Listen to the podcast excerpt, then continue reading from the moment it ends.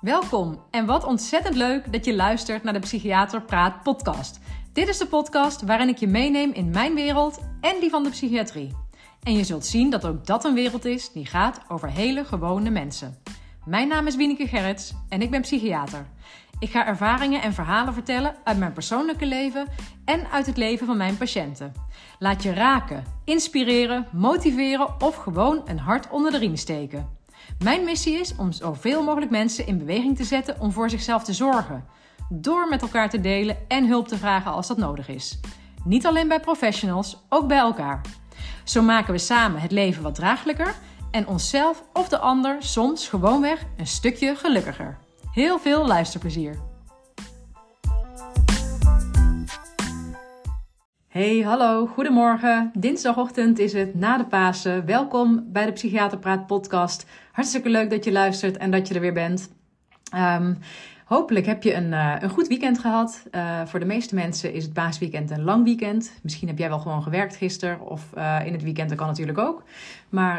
Um, nou ja, voor de meeste mensen zal gelden dat er wat meer dagen vrij achter elkaar waren. Ik hoop dat je daar, nou ja, dat je het prettig hebt gehad, fijne dingen hebt gedaan. Misschien alleen, misschien met familie.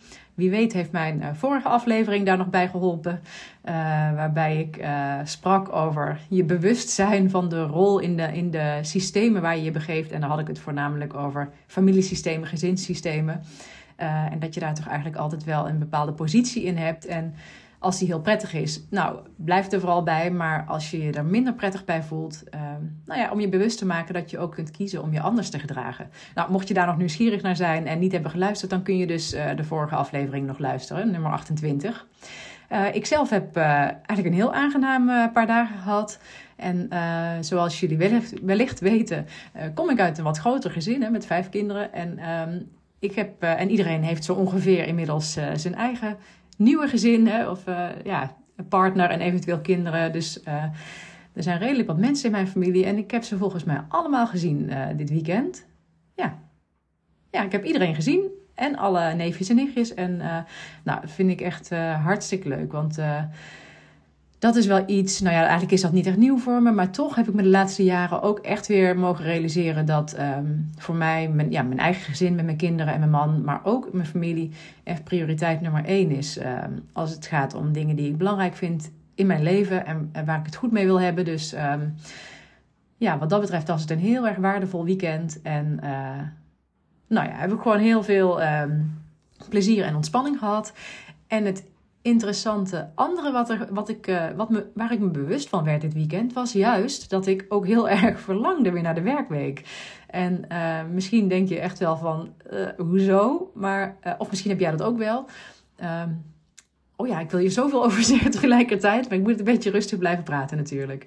Nee, één is dat gewoon sinds ik als zelfstandige gestart ben, um, ja, ervaar ik zoveel andere en nieuwe dingen, logischerwijs natuurlijk. Ik, ja, ik ben niet anders gewend dan ofwel heel lang naar school gaan. Dat heb ik dus eigenlijk tot ergens in mijn dertigste of zo gedaan. En uh, vervolgens uh, uh, altijd in loondienst gewerkt. Ja, en dat is toch echt anders dan wanneer je eigen baas bent. En um, waar ik voorheen wellicht kon denken uh, na Pasen van... Hè, oh ja, ik moet weer naar mijn werk. Niet dat ik mijn werk met tegenzin deed hoor, maar ja, dat kon toch wel gewoon even zo'n soort moeten, als een soort moeten voelen.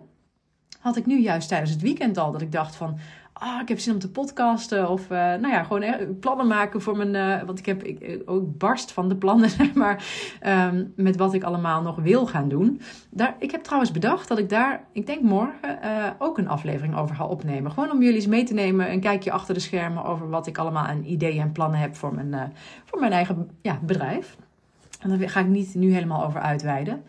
Um, maar dat ik dat dus, uh, dat ik echt dacht, oh, dat, dat zegt dus eigenlijk dat het echt succesvol is. Tenminste, ik, daar, daar uh, lees ik aan af dat het succesvol is wat ik aan het doen ben. Dat ik gewoon ernaar uitkijk en dat ik er plezier in heb. En dat dit niet voelt als een moeten, maar veel meer als een, ja, gewoon als een willen, zin in hebben. En uh, dat was trouwens ook wat, wat een aantal keer, de, vraag die een aantal keer afgelopen weekend aan me werd gesteld door, door mijn familie. Van, ja, hoe gaat het met je podcast? En, en um, nou, dat ik dus over vertelde dat ik het hartstikke leuk vond om te doen. En dat ik, nou ja, ja gewoon er steeds weer zin in heb. En ook echt wel van plan ben om ermee door te gaan. En dat ik reacties krijg en, positieve reacties. En Dus toen zeiden zij ook van, oh ja, dan is hij dus succesvol. En dus het zette me ook aan het denken van, wanneer is iets nou eigenlijk succesvol? Of wanneer vind ik het succesvol?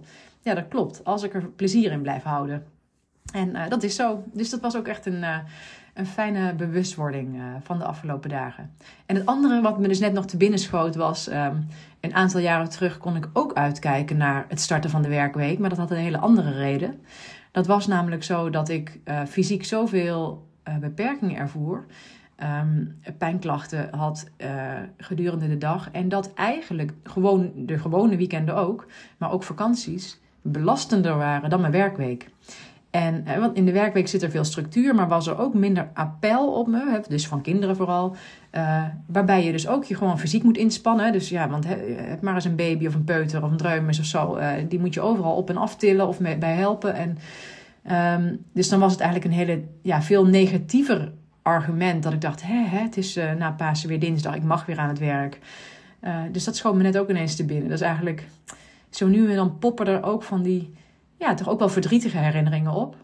Op dit moment, nu ik aan het praten ben, overvalt het me niet zo. Maar ik had ook dit weekend nog een keer met mijn uh, zussen over, ging het over zwangerschappen. En toen, ja, door het gesprek wat we hadden, kwamen we ook ineens op iets wat me echt herinnerde aan, aan iets van tijdens mijn zwangerschap. Waar ik, ja, nou ja, gewoon heel verdrietig over werd. En dat was eigenlijk ook best fijn hoor. Kon ik gewoon even over huilen en uh, met mijn lieve zus omheen. Dus helemaal goed. Maar zo, dit was even een hele lange intro eigenlijk. Uh, terwijl ik nog niet eens begonnen ben over het onderwerp. Je hebt het wel al, uh, als het goed is, aan de titel kunnen zien.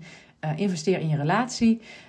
want ik dacht, ja, dat is ook een element wat um, ja, heel erg nauw verbonden is met je ja, je psychische welzijn eigenlijk. Hè? Een beetje goed voelen. Um, en ik realiseer me natuurlijk dat niet iedereen die luistert een relatie zal hebben, een liefdesrelatie zal hebben. Um, dus dat kan heel goed.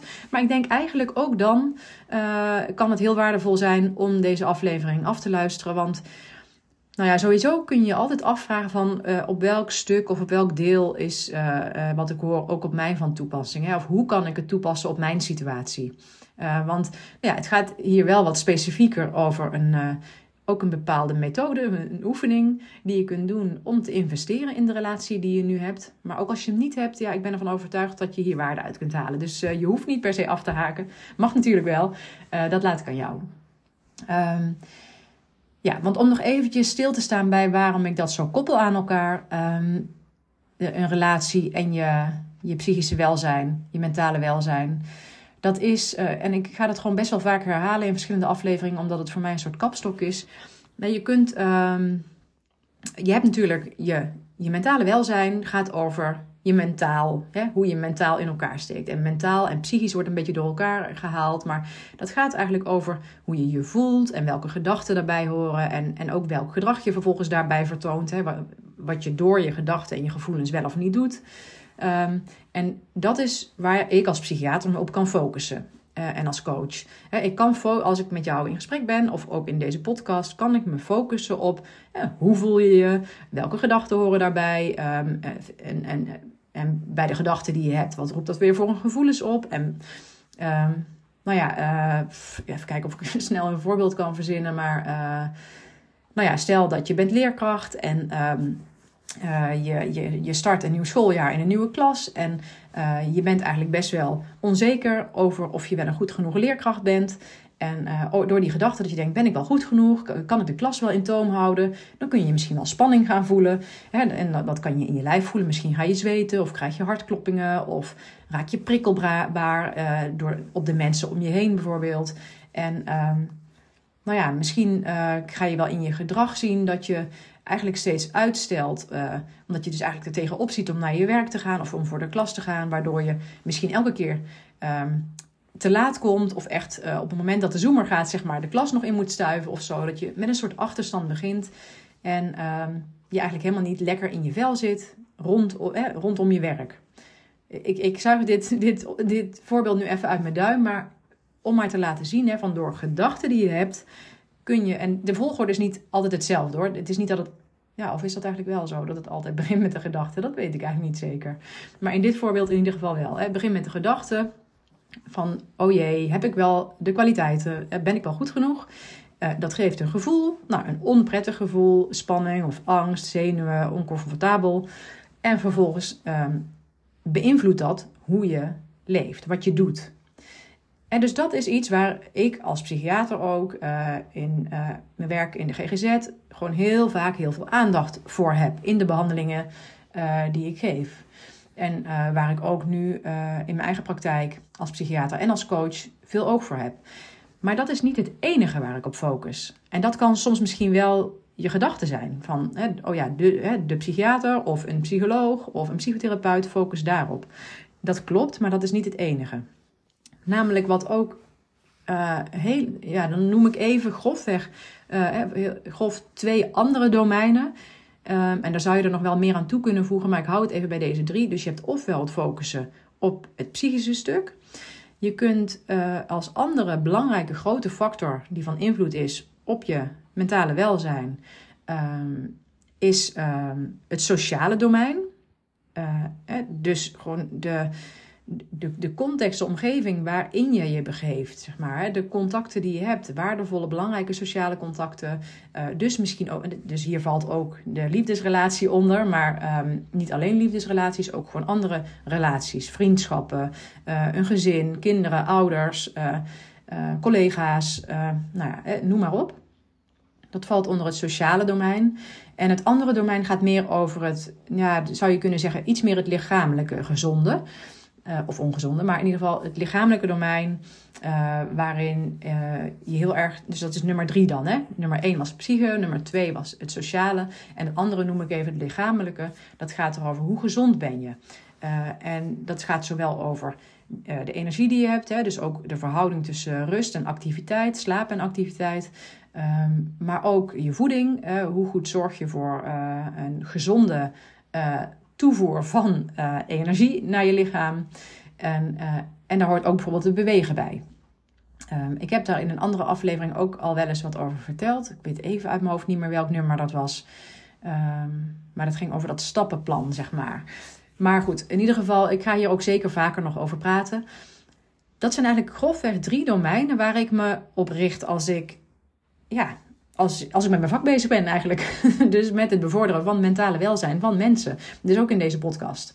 En uh, vandaag zoom ik wat in op die, uh, op die relatie. En die valt dus eigenlijk onder het sociale domein, zou je kunnen zeggen. Um, even kijken hoe ik hem ga aanvliegen. Ja, want als je, als je een relatie hebt. Hè, dus uh, ja, dit geldt voor de mensen die een relatie heeft. Maar als je het niet hebt, neem je een relatie die je hebt gehad in gedachten. Of kijk vooruit, hè, van als je een relatie zou willen hebben. Uh, of, uh, wat zijn je ervaringen daar zelf eigenlijk mee? Als je een relatie hebt, dan, dan weet je waarschijnlijk, dan, dan heb je ervaren van uh, als je relatie goed is, als, als de omgang prettig is en fijn is, dan, uh, dan helpt dat om je ook in de breedte goed te voelen. Dus dan voel je als, je, als het in je relatie goed gaat, dan merk je over het algemeen dat je lekkerder in je vel zit. En dan ga je misschien ook gewoon meer opgewerkt aan het werk. Of uh, uh, gaat het, uh, het zorgen voor jullie gezamenlijke kinderen makkelijker af. Of um, nou ja, op allerlei vlakken zou je kunnen merken dat het je gewoon goed gaat. Dat je, dat je je dus opgewekt voelt of energiek voelt. Want het is ook belangrijk om je geliefd te voelen. Hè? Dus als het goed is, als je een liefdesrelatie hebt, dan, dan is er liefde onderling. Dus dan, dan um, dan helpt het heel erg als je je geliefd voelt. En je geliefd voelen kan op allerlei manieren geuit worden door de ander. Um, dus dat, ja, daar, ga ik geen voorbeelden van noemen. Dat kan natuurlijk op heel veel manieren zo zijn. Maar geliefd voelen heeft ook te maken met nou, dat je het gevoel krijgt van... hé, ik ben belangrijk voor iemand.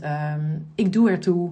Uh, er is iemand die naar me luistert. Er is iemand die me helpt als ik het moeilijk heb. Uh, ik voel me gerespecteerd. Ik voel me aangemoedigd om uh, doelen te bereiken. Of in heel veel dingen uh, kun jij ervaren dat het fijn is om een geliefde naast je te hebben die er eigenlijk ja, die naast je staat, die er voor je is. En andersom kan het je ook heel veel voldoening geven als je dat andersom kunt bieden. als jij van iemand houdt en daar heb je een relatie mee, dus je hebt een liefdesrelatie met iemand, dan kan het jou een enorm fijn gevoel geven als je, als je er kunt zijn en als je ziet aan iemand van, hé, hey, volgens mij zit je niet zo lekker, of je ziet er wat chagrijnig uit, of volgens mij heb je het wat moeilijk, vertel eens even of zo. En dan kan het je een fijn gevoel geven als de ander um, daar iets aan heeft. En als je bijdraagt aan, uh, nou ja, en dat de ander zich weer beter kan gaan voelen. natuurlijk mag het er gewoon zijn als iemand zich niet oké voelt. Hè? Dus dan kun je er ook voor iemand zijn. Het hoeft niet meteen weggemaakt te worden. Dat was niet echt mijn boodschap. Maar het kan je heel veel voldoening geven als jij belangrijk bent voor een ander. Maar wat we, ja, ik kan me eigenlijk niet anders voorstellen. Wat we volgens mij ook allemaal wel weten. Iedereen die ooit een relatie heeft gehad of nu een relatie heeft. Het is niet altijd super. Het is niet altijd fantastisch. Ehm, als het bij jou wel zo is, nou dan uh, dat zou ik echt zeggen, gefeliciteerd. Want dat lijkt me fantastisch. Uh, mijn ervaring is niet zo. Ik, ik heb uh, nu natuurlijk al langere tijd een relatie met mijn man, met wie ik mijn kinderen heb. En we hebben het over het grootste deel altijd heel fijn. Maar zeker hebben wij ook onze nou, diepere punten gekend of moeilijke momenten, zo nu en dan. En hiervoor heb ik ook een andere lange relatie gehad. Nou, dat was ook grotendeels Hartstikke fijn, maar echt niet altijd. En, ehm, en ook door alle mensen die ik in mijn werk heb gesproken, en het zijn er echt natuurlijk ongelooflijk veel, na jarenlang werken als psychiater. Ehm, ja, ik weet niet beter dan dat iedereen gewoon wel momenten in zijn relatie kent. Nou, dat het gewoon niet loopt.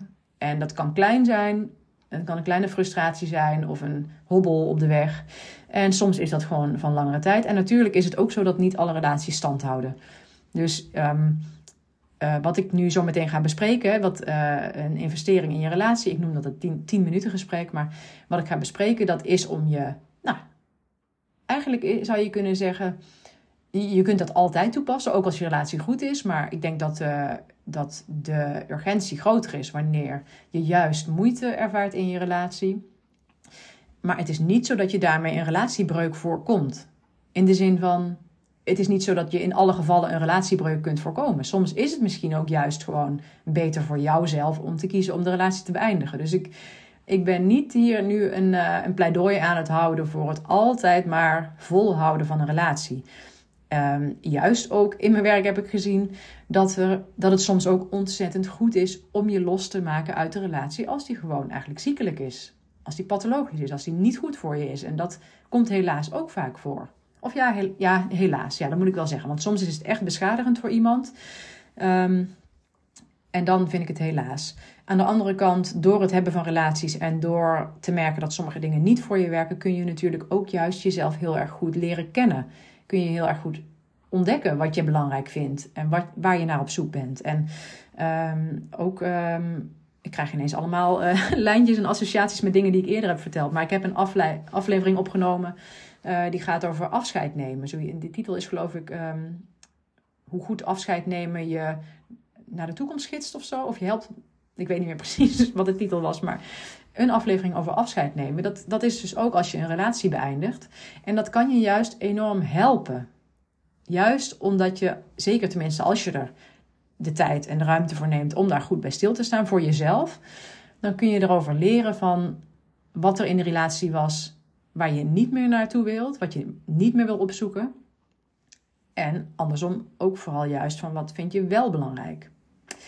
Dus, maar uh, voor degenen die in een relatie zitten en die wel merken van, hmm, het loopt niet echt. En dat kan betekenen omdat je zelf twijfelt of je wel door wil gaan. Of dat kan betekenen dat er gewoon, uh, of gewoon, maar dat, dat je het gevoel hebt dat er een soort sleur is. Of misschien um, voelt het alsof je meer als uh, broer en zus, of zus en zus, of broer en broer naast elkaar leeft. Of misschien is er weinig zwoeng of uh, heb je het gevoel van hé, hey, de ander doet mij tekort. Ik, ja, ik, ik, ik verlang of verwacht meer van de ander.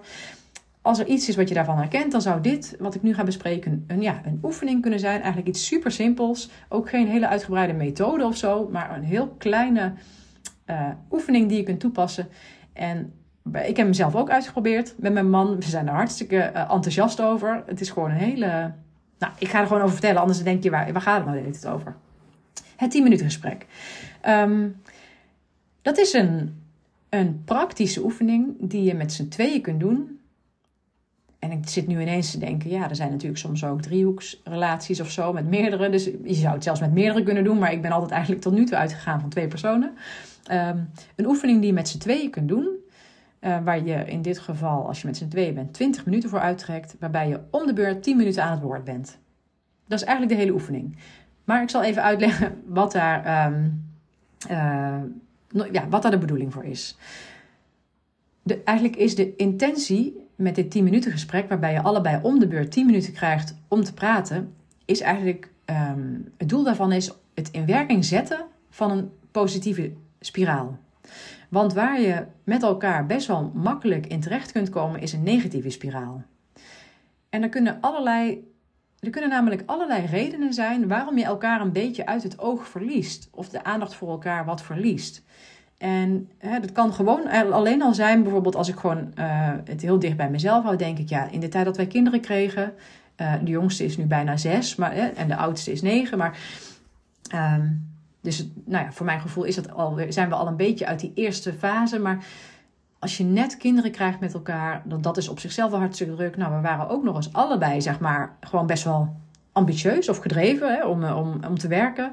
En vervolgens kreeg ik er dan ook nog eens bij dat ik uh, al die pijnklachten kreeg, waardoor ik juist heel beperkt raakte. Niet alleen dus in het werk, maar ook in het zorgen voor die kinderen. Nou, er, er was zo'n groot appel, werd er op onszelf gedaan. Hè, of zo, het, er, er was zoveel druk dat dat uh, ook in die tijd wij het soms echt wel moeilijk vonden om heel dicht bij elkaar te blijven, om er voor elkaar te kunnen blijven zijn. Want we waren eigenlijk allebei al druk bezig om ons eigen hoofd boven water te houden. Nou, dus dat, dat kunnen omstandigheden zijn. Uh, hè, misschien heb je ook een jong gezin, of misschien heb je ook wel, heeft een, heb jij of je partner wel een bepaalde een ziekte of een aandoening of zo, waardoor er van alles verandert. Um, nou ja, dat zijn dan vrij ingrijpende dingen, maar het kan ook gewoon klein zijn. Het kan ook gewoon überhaupt zijn. Dat je gewoon uh, door hele leuke dingen, uh, door het werk wat je doet, daar gewoon heel erg meegesleept raakt. En je heel erg ambitieus bent. En je het thuisfront uh, wat minder in beeld hebt. Of dat je partner dat heeft. Of er kunnen allerlei redenen zijn waardoor je. Waardoor de aandacht voor elkaar wat verslapt of wat vermindert. En dat kan tot gevolg hebben dat je ook minder eigenlijk met elkaar praat. En nou is het helemaal niet zo dat ik uh, een voorstander ben van extreem veel praten de hele tijd. Ik denk, met praten is, is het ook echt niet zo dat je daarmee, uh, uh, dat, dat de relaties daar, dat hoe meer je praat, hoe beter je relatie. Dat is ook echt niet zo. Het zit hem ook in gewoon heel veel zijn en heel veel doen met elkaar. Um, maar als je eigenlijk te weinig, ik denk wel dat je te weinig kunt praten, want dan weet je gewoon te weinig van elkaar. Dan begrijp je elkaar niet precies, dan weet je niet wat de anders, anders een behoefte is. En dan krijg je gewoon sneller dat je uh, onbegrip hebt naar elkaar. Dat je niet begrijpt waarom je bepaalde keuzes maakt. Uh, je gaat je aan elkaar irriteren. Er komen conflicten. Nou ja, voor je het weet zit je dus in een hele negatieve spiraal.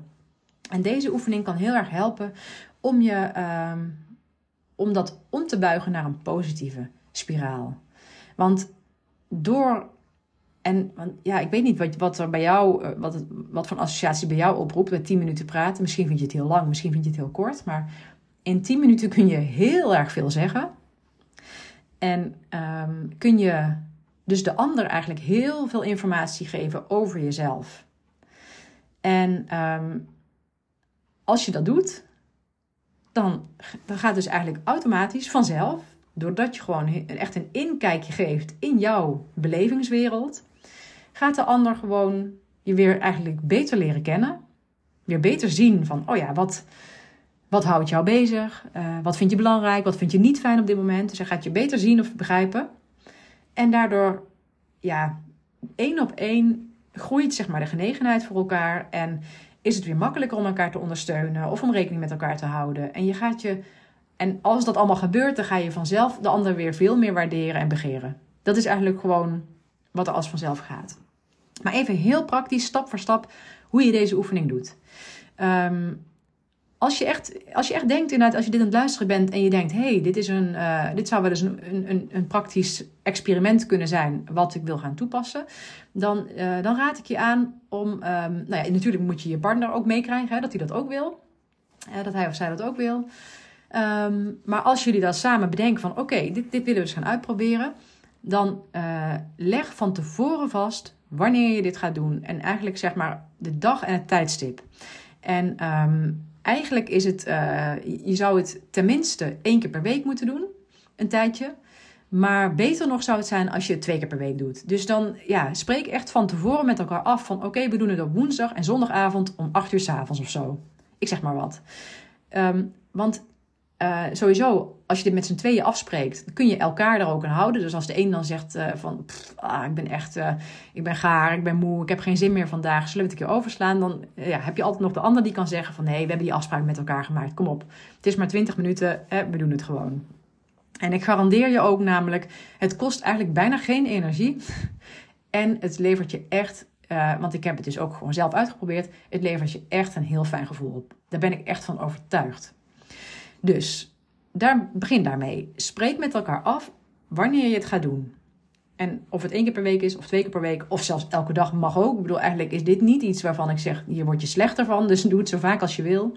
Ehm, maar maak een afspraak, zodat je elkaar eraan kunt, kunt, houden. Want, en die regelmaat is ook echt heel belangrijk. Want ehm, anders dan komt er de slop in, of dan, ja, dan gaat het dus te ver uit elkaar liggen en dan, dan mist het ook zijn effect. Je moet er dus 20 minuten voor uittrekken en het is ook echt niet meer. Dus uh, je gaat ook niet verzanden, want je zet namelijk ook een wekker. Je, je, je trekt er 20 minuten voor uit en ieder krijgt 10 minuten. That's it. Dus nou, we hebben allemaal volgens mij wel een telefoon waar je zo'n timer op kan zetten. Of zet anders een kookwekker of een zandloper, maakt me niet uit. Maar time ook echt. Als het wekkertje gaat, stop je met praten. En dat, um, ja, dat klinkt misschien ook best gek, want zou je midden in een zin moeten stoppen. Ja, dat is dan zo. Um, nou, en dan komt inhoudelijk om de beurt. Krijg je dus 10 minuten tijd om te praten. Het maakt eigenlijk ook niet uit wie er begint. Misschien uh, vinden jullie het fijn om af te spreken dat het altijd dezelfde is. Maar je mag het ook afwisselen. Uh, een van de twee begint. En je gaat gewoon vertellen over wat jou bezighoudt. En het mag eigenlijk, het mag dus overal over gaan. Er is eigenlijk geen richtlijn voor. Het enige is dat het dus over jezelf moet gaan. Dat, dat je bij jezelf moet blijven. Want het doel is dus eigenlijk dat je het doel is zelfonthulling. Het gaat erover wat houdt jou bezig? Hè? Waar heb jij die dag over nagedacht? Of waar ben je bezorgd over? Of waar krijg je plezier van? Hoe beleef je de dingen? En het mag dus ook gaan over je relatie. Hoe beleef je de ander? Wat vind je fijn? Wat vind je niet fijn? Maar het hoeft helemaal niet per se over de relatie zelf te gaan. Dat mag hoor, maar het is, het is niet verplicht. Want het gaat er gewoon over wat, wat beweegt jou? Wat, wat roert jou? Zeg maar, wat gaat er in jou om? Dat wil je dat de ander dat weet. Tijdens die 10 minuten dat jij aan het praten bent, mag de ander niets zeggen. Dus het is geen, het is geen gesprek. Het is eigenlijk een monoloog wat je afsteekt. Jij bent aan het praten en het gaat over jou. En de ander, ja, oké, natuurlijk ga je zo nu en dan uh, iets aan de gezichtsuitdrukking zien. Hè? Kan de ander misschien heel verbaasd zijn. Of misschien, ja, het kan, wie weet, misschien is er wel iets van afkeur of afwijzing of irritatie, zou ook kunnen ik heb dat eigenlijk niet zo meegemaakt. Want ja, dat, als, je, als je iets vertelt over jezelf en je houdt het echt bij jezelf. Dus je gaat niet met je vinger naar iets anders wijzen, naar je partner of iets om je heen. Maar je gaat echt over jezelf vertellen. Dan, dan, dan, ja, ik, dan roept dat zelden iets van, van af, afkeuren op. Want dat is gewoon zo. Dat is wat er in jou omgaat. Ehm, maar goed, dus de ander mag niet reageren. Ja, en de non-verbale reactie, dat wat je aan het lichaam kan zien, ja, dat is nou eenmaal. Als na die 10 minuten die wekker gaat, dan stop je met praten. That's it. En dan is de ander aan de beurt. En dan herhaal je het nog een keer. Dan gaat de ander vertellen wat hem bezighoudt, wat hem roert, wat hij belangrijk vindt, wat hij niet belangrijk vindt. Of, en nou ja, wat dan ook, wat er in hem omgaat. En dan is die 20 minuten voorbij als de laatste wekker gaat. En that's it. Je gaat dan daar dus niet meer verder over praten. En dat kan misschien soms best ook een oefening zijn. Hè? Of best even moeilijk zijn, omdat je misschien wel van alles hebt gehoord waar je iets van vindt. Uh, juist omdat je er nieuwsgierig van wordt, omdat je er meer over wil weten. Of omdat je denkt, ah, dat klopt helemaal niet. Of hè, wat dan ook. Wat overigens ook kan gebeuren, is dat je tijdens het vertellen ziet dat de ander geëmotioneerd raakt. Hè? Ook, hè, dat, dat hij verdrietig wordt of geraakt wordt, of dat je tranen ziet of zo. Maar dat mag er dan allemaal gewoon zijn. Dat is geen reden om te stoppen. En zelfs ook als je juist merkt van Ehm, ik weet even helemaal niks te zeggen. Om, ja, misschien blokkeer je wel of zo. Dat maakt niet uit. Die 10 minuten zijn van jou. En als die 10 minuten, 10 minuten stilte zijn, dan zijn het 10 minuten stilte. Dat mag dus, want het is jouw tijd. En niemand anders bepaalt zeg maar, hoe je hem wil invullen. Kijk, het idee is dat jij iets van jezelf laat zien door erover te vertellen. Maar als dat niet lukt of zo, dan is dat ook oké. Want eigenlijk geef je daarmee ook informatie aan de ander. En ik denk dat er uiteindelijk altijd wel iets in je opkomt. Misschien wel juist door te zeggen over wat er op dat moment zelf gebeurt. Van ik blokkeer, want ik ben misschien wel heel bang uh, hoe je gaat reageren over wat ik ga vertellen of zo. Hè? Of ik ben bang dat ik je boos maak. Of uh, nou ja, het kan van alles zijn wat er in je omgaat. En wat ook wel kan helpen, bijvoorbeeld als je gewoon niet zo goed weet waar je moet beginnen of waar je over moet praten, dan kun je bijvoorbeeld ook ervoor kiezen om, um, nou, als je het gesprek één keer per week voert, dat je gewoon uh, over de afgelopen uh, week, dus de week die uh, aan dat gesprek vooraf gaat, of aan de 10 minuten gesprek, dat je aan die week een cijfer koppelt. Dat je zegt, nou, mijn afgelopen week was op een schaal van 0 tot 10 cijfer Hubbel de Pub. Nou ja, en als het een laag cijfer is, dan zul je vast en zeker wel iets kunnen zeggen over waarom je dat een laag cijfer geeft die week. En als het hoog is ook. Dus dat kan je soms misschien wel een, uh, een, een, opstapje geven. Of eens terug te blikken van, nou, terugkijken naar deze week, hoe voel ik me gemiddeld? Of hoe tevreden ben ik over die afgelopen week? Geef daar een cijfer aan en ik denk dat je iets en dat je meteen ja, wel inspiratie krijgt om te vertellen. En het lastige kan dus zijn dat je gewoon na die 20 minuten gewoon stopt. Of ja, ik weet niet of dat lastig is hoor, maar dat kan ik me voorstellen omdat het vaak zo uitnodigt om te gaan reageren op elkaar. Maar dat zou ik dan dus niet doen. En uh, ofwel, je gaat gewoon na die uh, 20 minuten ieder je eigen weg. Je gaat lekker doen waar je zelf zin in hebt. Of je, je, je gaat uh, samen nog eventjes een filmpje kijken. Of je gaat een boek lezen. Of je een wandeling maken. Maakt niet uit. En dat is het. En ik zou er nog heel lang over door kunnen praten. Maar ik denk... Um, maar, maar dat voegt niet, niet zoveel toe. Want dit is echt iets wat je moet ervaren. Dus, uh, dus dat ga ik ook niet doen. Ik ga niet heel erg over doorpraten.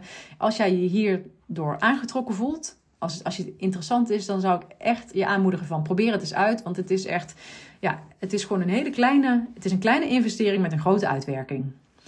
En als je nou hebt geluisterd en je denkt, ja, maar ik heb geen relatie, dan um, zou ik me ook nog kunnen voorstellen dat je misschien wel um, situaties hebt, dus geen liefdesrelatie, maar andere relaties.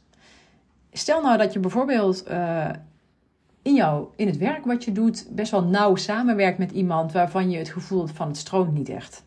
Of hè, we blokkeren elkaar, of er is niet echt synergie, we werken niet echt samen. Het, hè, we versterken elkaar niet, maar we werken elkaar juist meer tegen of zo. Of, dan zou je ook uh, aan een collega kunnen voorstellen van... hey, zullen we de week eens elke week beginnen met uh, 10 minuten uitwisselen over waarvan we denken. Wat, en dan, dan ga je dus... Dan doe je op zich hetzelfde. Dan gaat het wel over jezelf... Maar dan wel in relatie tot het werk. Bijvoorbeeld met, met de plannen die je hebt, of de doelen die je stelt, of hoe je vindt dat het, uh, dat het gaat. Of hoe, je, hoe wel of niet tevreden je bent over je eigen uh, aandeel uh, in hetgene wat je aan het doen bent samen of zo. Hè. Dus je kunt het ook in een collega-relatie doen, of ook in een vriendschapsrelatie. Dat, ik laat het aan jou of dat iets is wat, wat, wat passend zou kunnen zijn. Ik kan me ook voorstellen dat een vriend of een collega ook wel een beetje opkijkt als je met zo'n voorstel komt. Maar ik denk dat er gewoon wel meer. Um, ja, hoe zeg je dat? Dat het, dat het niet uitsluitend. Ik weet zeker dat deze oefening niet uitsluitend werkt bij uh, koppels, maar ook bij andere relaties. Maar het is maar net of jij en die ander het vinden passen om dit toe te passen. Uh, ik zou me ook kunnen voorstellen dat je het met een kind doet. Alhoewel ik daar wel meteen uh, de nood bij wil plaatsen van. Voor, doe dit niet bij jonge kinderen, want dat, dan overvraag je ze. Je, want ik denk echt, het is heel mooi als je als ouder open bent naar je kind toe. Uh, maar je moet ze niet belasten met zaken die bij een volwassen leven horen. En pas als, dus ik, eh, sowieso, ik, ik zeg wel kinderen, maar ik denk dat zou je echt pas mogen doen, tussen aanhalingstekens van mij, als je kind volwassen is. En dan nog is het de vraag of je kind dat daar klaar voor is of dat wil.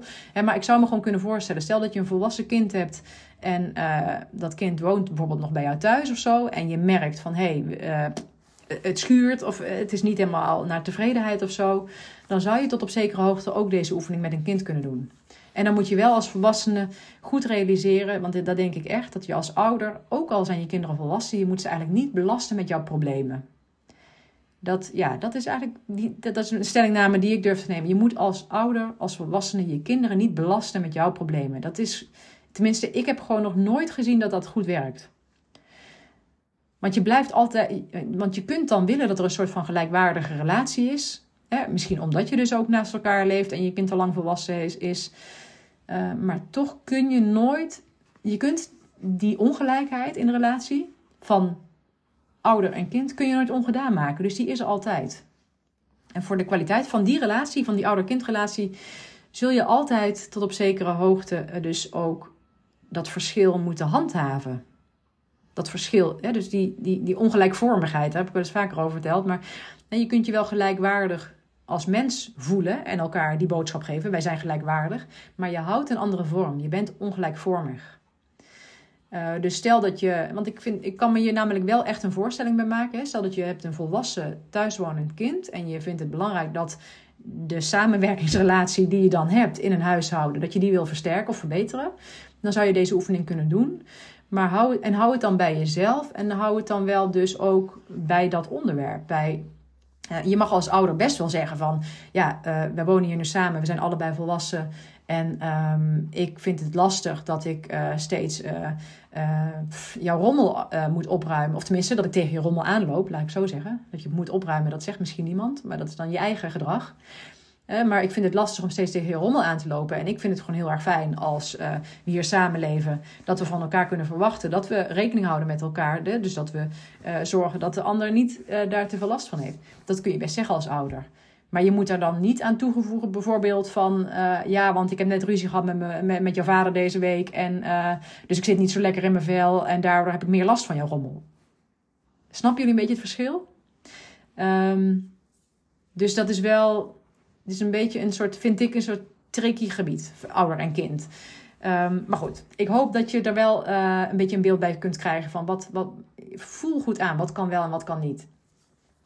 Nou, ik ga hem hierbij afsluiten dit was vandaag een aflevering uh, wat voornamelijk gefocust was uh, op de liefdesrelaties, op koppels en wat je kunt doen om ervoor te zorgen dat een negatieve spiraal wordt omgebogen naar een positieve spiraal. dus naar weer meer genegenheid voor elkaar, meer liefde onderling. En dat kun je eigenlijk doen door een hele eenvoudige, kortdurende oefening. helemaal niet ingewikkeld, iedereen kan die snappen en het kost niet veel tijd. En ja, ik durf eigenlijk wel te zeggen, gegarandeerd succes. Nee, ik kan niet iedere relatie ermee redden. Want relaties ja, impliceren nou eenmaal dat, dat, dat ze ook soms uh, eindig kunnen zijn. Maar ik weet wel zeker dat, um, dat je door deze oefening in ieder geval nader tot elkaar komt. En beter kunt samenwerken met elkaar. Dus, nou ja, als je er zin in hebt om te gaan proberen, dan wens ik je er super veel succes mee.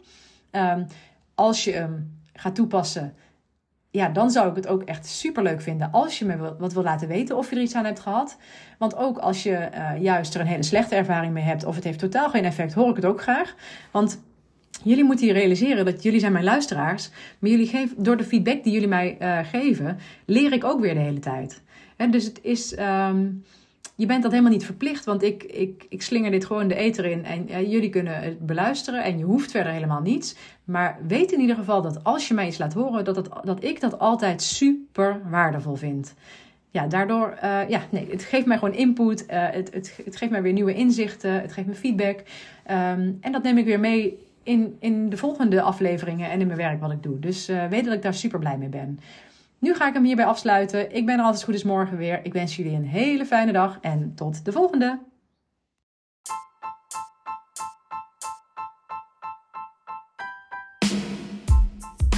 Ha, ik vind het echt super leuk dat je mijn aflevering beluisterd hebt. En nogmaals, heel erg bedankt daarvoor.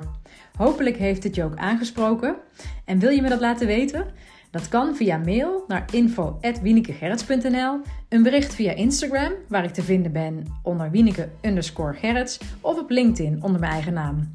Ik vind het heel leuk om ook jou beter te leren kennen en te weten wie er luistert. Jij kunt ook anderen inspireren door mij te taggen, bijvoorbeeld in je stories of je feed op Instagram. En wat jij van mij kunt doen, is in jouw podcast-app waar je deze beluistert, een review achterlaten. Bijvoorbeeld een aantal sterren. Wil je dat doen? Zo kom ik erachter of en hoe mijn podcast gewaardeerd wordt en wordt hij beter vindbaar voor anderen. Overigens kun je je ook abonneren op deze podcast in je app. Hoe dat per app werkt, weet ik niet precies, maar vaak is er een knop subscribe, abonneren of volgen en dan krijg je automatisch een berichtje of in je app te zien als ik een nieuwe aflevering heb geplaatst. Maar nogmaals, super, super, super dank en tot de volgende!